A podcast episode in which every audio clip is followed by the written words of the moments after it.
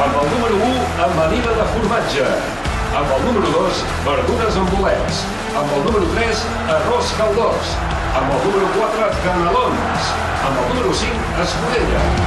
Que no falti de res, amb Carles Piter i Jordi Jaques.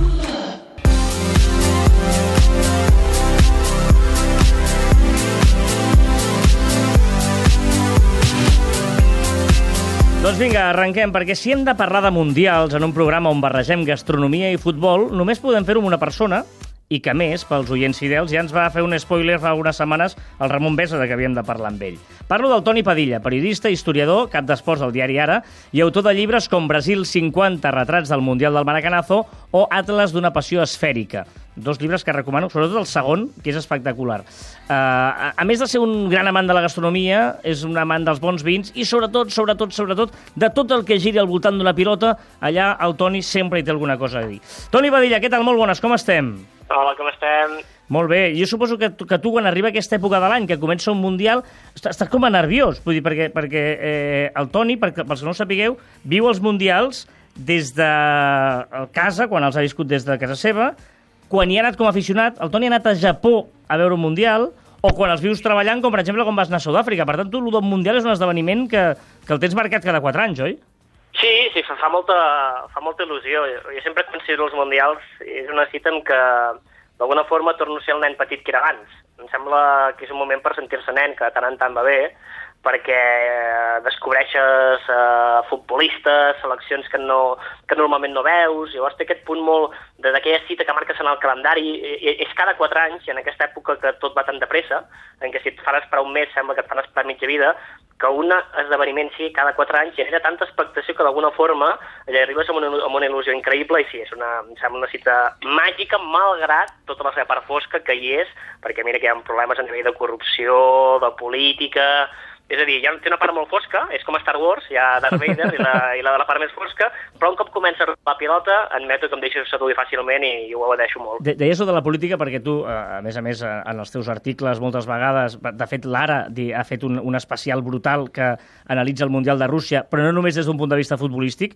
sinó també des d'un punt de vista geopolític. Ho dic perquè, clar, que aquest Mundial s'hagi disputat a Rússia també s'ha d'estar molt atent a coses que puguin passar i a, i a embolics d'aquests, no, Toni? Sí, sí, sí, és molt, és molt interessant. El, uh, sobretot, en, en principi, hi, hi, hi ha aquella gent que diu que té aquella cantarella que diu l'esport i la política no s'han de barrejar. A mi em sembla molt lícit que ho diguin, però crec, crec que expressen un desig i no una realitat. La realitat és que l'esport i la política estan molt units.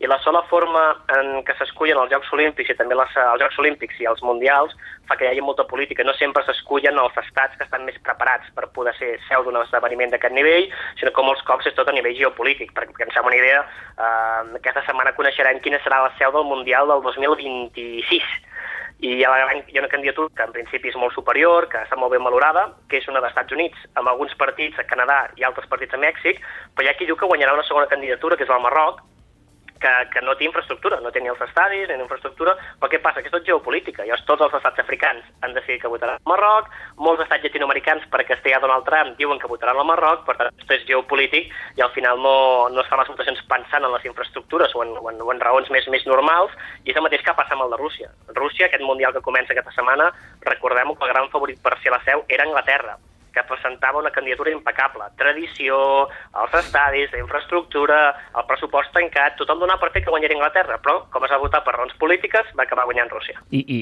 espera't perquè t'has dit el 2026, perquè el 2022 en teoria és a Qatar, que seria el Mundial que es celebraria al gener per temes de temperatura, és a dir que... I, òbviament... I, i, i no només això, Carles, perquè mm, la FIFA està estudiant ja ampliar la xifra d'equips que puguin jugar al Mundial del Qatar, en principi el Mundial del Qatar era com aquest, 32 seleccions, estan pensant ampliar-ho 48, que era el projecte pel 2026, eh, doncs que ja siguin 48 eh, d'aquí 4 anys al Qatar, i això provocaria que el Qatar no només portaria un Mundial al mes de gener, sinó que el faria en més partits que mai, i per tant es diu que es podrien jugar partits també a estats veïns. El cas dels Emirats Arabs Units, Bahrein, s'ha arribat a dir la possibilitat que algun partit es jugués a Aràbia Saudita. I aquí és quan ens escandalitzem una miqueta perquè Aràbia Saudita recordem que és un país que fins fa poques setmanes les dones no podien entrar als camps de futbol. Per tant, si d'alguna forma s'ha d'acceptar que siguin seu d'un Mundial, se'ls hauria d'exigir moltes millores. Mare meva, déu nhi Ja en parlarem, centrem-nos primer en aquest de Rússia, Toni, i digue'm eh, coses friquis, és a dir, fica, tema, eh? No, no, no et demanaré qui guanyi o tal, però, per exemple... Escolta, una cosa, que te pregunti coses friquis hem d'entendre alguna cosa? No, no. Perquè, clar... No, em, em refereixo... A, a, em refereixo... No, no, no. No, no, no, no em digui qui guanyarà i tal, quin paper farà Espanya, tot això no. Però, per exemple, eh, que la samarreta preferida és la de Nigèria, que hi ha jugador... Fixeu-vos en aquest jugador, que em sembla que hi ha un tio de Lleida que juga amb Sèrbia, pot ser? Sí, Sergei Milinkovic-Savic, eh, la, la, la, la, la gent... No, però segurament recordareu l'època sí, d'aquella daurada del del de primera, el Lleida primera, que li va guanyar el Madrid, de Benito Floro, que tenien un, un davanter escandinau, el Soren Andersen, hi havia un jugador serbi, que era el Milenkovic, sí. va jugar uns quants anys a Lleida i el seu fill va néixer eh, a terres lleidatanes, però el fill és, és serbi, els juga amb la selecció de Sèrbia, també juga amb la Lazio Itàlia i és molt bon futbolista. I diuen que és un dels noms que podríem veure perquè en sortís molt reforçat i d'aquí doncs d'alguna forma poder aterrar un equip encara més gran. Hi ha molts jugadors interessants, molts per descobrir, la, així com a seleccions que es recomano veure, ara és quan faran, faran fallida i m'ho podeu retreure. A mi em fa molta il·lusió el Perú, Perú. moltíssima il·lusió. Perú perquè no juguen cap mundial des del 82, són molts anys esperant, és un país absolutament boig pel futbol i portant molts anys a través pel desert i s'han classificat jugant molt bé. Jugant no, una dir, ha fet, la classificació va fer un molt bon paper, no? Sí, sí, sí, van, no només guanyant, van començar molt malament i llavors a sota van començar a reaccionar i, i guanyant jugant bé perquè l'entrenador un argentí, el de Carlos Tigre Gareca, el... és molt admirador de l'estil perquè ens, en, ens sembla una idea estil Barça. Li agrada que els equips siguin protagonistes. I ho han aconseguit i, i Perú eh, crec que en aquest sentit eh, és un país que està creixent molt i a part de ser un país com, que, com bé sabeu, té una gastronomia espectacular, a nivell de futbol també té molt, molt anirem, bé. Anirem, això. Mira, eh, jo, com, com els mortals, eh, no com tu, que tu mires des d'una perspectiva que, fa, que fas una mica de por i tot, eh, eh, el Mundial, al final, el veiem eh, cada vegada més eh, com el futbol de segona. No? Creiem més en el, en el futbol de club, no? El futbol de club és aquells que veiem sempre jugant més junts i tal. I això, si m'ho en en el món de la, de la restauració, doncs el futbol de club seria el restaurant de cada dia, no? Eh, jo, jo ho veig una miqueta així, eh? Allò, allà l'espai que tens controlat, l'equip que tens controlat, no? I si m'ho porto en el, en el Mundial, doncs ho veig com els càterings, eh? Eh? Allò que ostres, has d'adaptar una mica per guanyar, eh? per sortir-te'n, eh? no saps l'espai que et trobaràs, no tens bé l'equip ben controlat, però també és interessant veure el resultat i d'alguna manera veure aquest, aquest eh, bueno, el que tu deies, no? poder veure aquest nou jugador, aquest nou equip. Però, els caterings, els caterings poden sí, arribar a servir per això. Eh? Ben vist, ben vist. Um, Dit això, dit això, eh, i jo que em vaig eh, ficar com a objectiu eh, eh, l'any 2014 eh, poder anar al Mundial de Brasil... Eh, i, ah, i, aquest sí que t'agradava. El de Rússia no, fa massa objectiu, fred. Objectiu que no vaig aconseguir. No, no, sí. L'idea, hòstia, un juliol mm, que me'n pugui anar del restaurant i me'n pugui bueno, anar al tenir restaurant un restaurant a l'escala eh, és una mica complicat. Eh, bueno, però tu compta pues, que el 2010 me vaig ficar aquest objectiu i, i no el vaig aconseguir. Vale? I, i, i, I et sabria dir per què el Brasil, no? Un lloc de futbol, sí, sí, clar, clar. Un lloc. Quin, quin, quin país, eh? Uh, quin país, uh, tu que a més a més, a part del futbol t'agrada molt la gastronomia, quin país t'agradaria per un Mundial? Per poder disfrutar d'un Mundial, disfrutar de gastronomia, disfrutar una miqueta de tot. Quin, quin, quin ens donaries, Toni? Doncs a mi me'n faria molta il·lusió, assumint que alguns que et podria dir ja, ja han estat seus, com és el cas del Japó, jo et diria sobretot Sud-amèrica, i en aquest cas el 2030, sé que falta molt pel 2030, pel 2030 existeix una, una, una precandidatura que preveu que, com seria un mundial amb 48 seleccions, eh, seria tres estats compartint la candidatura, la part central la portaria Argentina, Mm. Però també jugarien partits a Paraguai i sobretot a l'Uruguai. I això em fa molta il·lusió, perquè uh, Argentina i Uruguai és cert que a nivell uh, gastronòmic potser no hi ha tanta varietat com altres llocs, però el que fan ho fa molt bé, mm -hmm. i això el, el Carlos ho sap molt bé, el, rei, el, rei, el rei de los asados. Fixer quan baixa a l'aeroport de Buenos Aires, ja, ja diu, baja el rei de los asados, ja comencen a preparar tot. és que sí, hem tingut I... grans viatges amb el Toni Buenos Aires.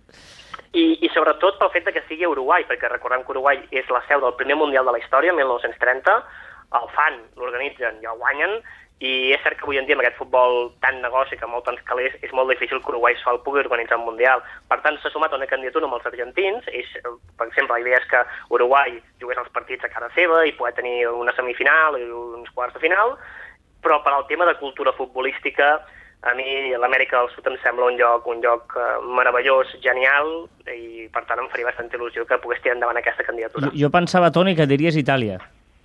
Sí, sí, això, això és cert, això és cert però potser com és més proper, i com va haver, va haver un Mundial al 90, que no fa tant... Eh, però, però, però no hi vas anar i potser dius, ostres, igual ara, no? Anar a veure un Mundial a Itàlia, pensava que seria un dels teus somnis. Tens tota, tens tota la raó, però com el tinc aquí el més a la vora, eh, se m'ha anat al, al cap a, a Sud-amèrica, ho dic perquè un dels països, que... dels, el país preferit del Toni és Itàlia, i allà, jo diria, potser el país que hagis, ja introdueixo el món de la gastronomia, Toni viatja molt, és una, com, bueno, de, de, li encanta, eh, només has de veure el seu Instagram, que està un llavall tot el dia, eh, a part de treballar, eh, vull dir que això no vol dir que no treballi, eh, uh, i, i jo no sé si Itàlia és el país on has menjat millor o has pogut gaudir més de, de, de, tant del vi, de, la, de tota la gastronomia. A Itàlia la gent diu, sí, pizza, pasta... Ostres, no, no, fotem, Itàlia no. és un país eh, on té una gastronomia mitja acollonant per mi és el, és el meu paradís. Sobretot per una qüestió que crec que és el país on està més normalitzat l'art de menjar bé. Hòstia, sí, més, és clavat, estan, la frase és perfecta. Eh? Sí, està, està molt interioritzat en el dia a dia. És a dir, un, un, coneixes una gent i et diu, mira, et presento un amic i anem a casa i es pot a cuinar un tio, uh, aquell senyor té com una obligació vital de cuinar bé, mm. de, cu de cuidar els ingredients. Llavors, um, és cert que tenen grans uh, xefs també, però sobretot és el fet de que et fots a qualsevol lloc i saps que es menja bé. I sobretot està molt, la, gent, la gent jove, per exemple, té molt interioritzat la, el fet de que s'ha de menjar bé en el, en, el, en el dia a dia. Llavors, és molt difícil menjar malament. Uh, menges malament potser quan et fots un d'aquests jocs que ja és evident que busquen el turista al centre de Roma i que fiquen pizza, carbonara i, i unes fotografies a fora, doncs aquí no però, per exemple, fa poc vaig ser a, a la vora de Florència, a Prato, uns amics es casaven, que són d'allà, i la normalitat en què mengen bé, i la normalitat en què reivindiquen l'ingredient de localitat, de proximitat, eh, ho, ho, ho porten, si forma part del seu orgull. Per això sempre, sempre he pensat que Itàlia és un país que és incapaç de fer grans, de, de fer grans coses. Per això mai he aconseguit crear una, una estructura d'estat digna. Mm. Sempre, tenen mals, sempre tenen mals polítics, sempre tenen corrupció, sempre tenen desastres. Però en el dia a dia, en l'art del dia a dia, són, són artistes. Són mm. artistes. I el fet de... I, i aconsegueixen tenir un ritme de vida molt relaxat, que, els, que, que s'autobliguen a fer l'aturada per fotre's un, un, un bon entrepà amb, amb, amb embotits locals o un bon plat de pasta o, o, o, o, o les diferències regionals. Llavors, una altra, una, una altra cosa molt bona és que, clar, eh, des de la zona de Trieste, que és Alemanya, que la cuina està molt influenciada pel centre d'Europa, a la punta de Sicília, que la cuina és gairebé àrab, amb uns cuscús de peix que fan a la zona de Marsala amb vi blanc espectacular, hi ha molta varietat, per tant és molt més que aquestes quatre idees que comentava, que, que comentava que la gent sempre diu pizza, pasta i ah, fora d'aquí no surt, i aquí està l'errada. Mm -hmm. I a més, a més que ho dius perfecte, és, és difícil menjar bé, ai, menjar malament, perdó, és difícil, o sigui, trobes llocs on es menja malament, però la, la, la mitja és, és bastant alta. Es repeteix en alguns altres països eh, del Mediterrani, eh, Grècia, hi ha, hi ha llocs així que també, a Turquia, també es, es repeteix bastant això, però sí que és veritat que Itàlia està en un tant per cent elevadíssim. I amb grans vins, eh, els Chiantis, eh, grans vins, que, que a més a més, Toni, perquè el Toni ja, ja sap el que és una copa Riedel, que això és molt important, eh, és, és molt important eh, saber degustar el vi on toca. Això és perquè ens segueix eh, rigorosament cada Exacte. setmana òbviament, i sap òbviament. perfectament uh, lo important que és Riedel. Molt bé, Toni, escolta'm, uh, moltes gràcies. Uh, sé que comença un dels teus mesos preferits cada 4 anys i, per tant, disfruta'l al màxim i et llegirem el diari ara i sabrem, doncs, uh, i t'escoltarem. M'ha deixat dir-te una cosa? Me fas, me fas una, una mica, molta enveja. molta. Toni, una abraçada molt forta i moltes gràcies. Tingueu bon estiu i brindem d'aquí poc amb una copa de les mans. Que no falti de res. El programa d'esports i cuina a Catalunya Ràdio. Quin plaer parlar amb una persona com el Toni que, que et parla de, sí. de, de, de Perú, del Mundial, i llavors et fa un repàs de gastronomia italiana... És d'aquella gent que, eh, sobretot els que ens agrada la gastronomia, els que ens agrada cuinar, els hi cuinaries i els hi posaries vi, els hi posaries de beure... I que xerrés. Sí, sí, i et quedaries allà hipnotitzat escoltant-lo. Escolta, i, i, i l'any 80 no sé quan, eh, què va passar en aquell, aquell quarts de final? Eh, que, que, que n'has explicat. Jo, jo he tingut la sort de, de, de viatjar amb ell molts anys, i encara ho fem, i viatgem molt, per això em deia abans l'Argentina, perquè que hem viatjat molt a Argentina, hem anat a, a, a, Mundial Sub-20 junts a Argentina, etc. I clar, és un plaer quan tens un tio al costat que, que té aquest coneixement, aquesta saviesa, i l'únic que has de fer és callar i escoltar. I dis- i disfrutar. I disfrutar. Molt bé, seguim, el que no falti de res.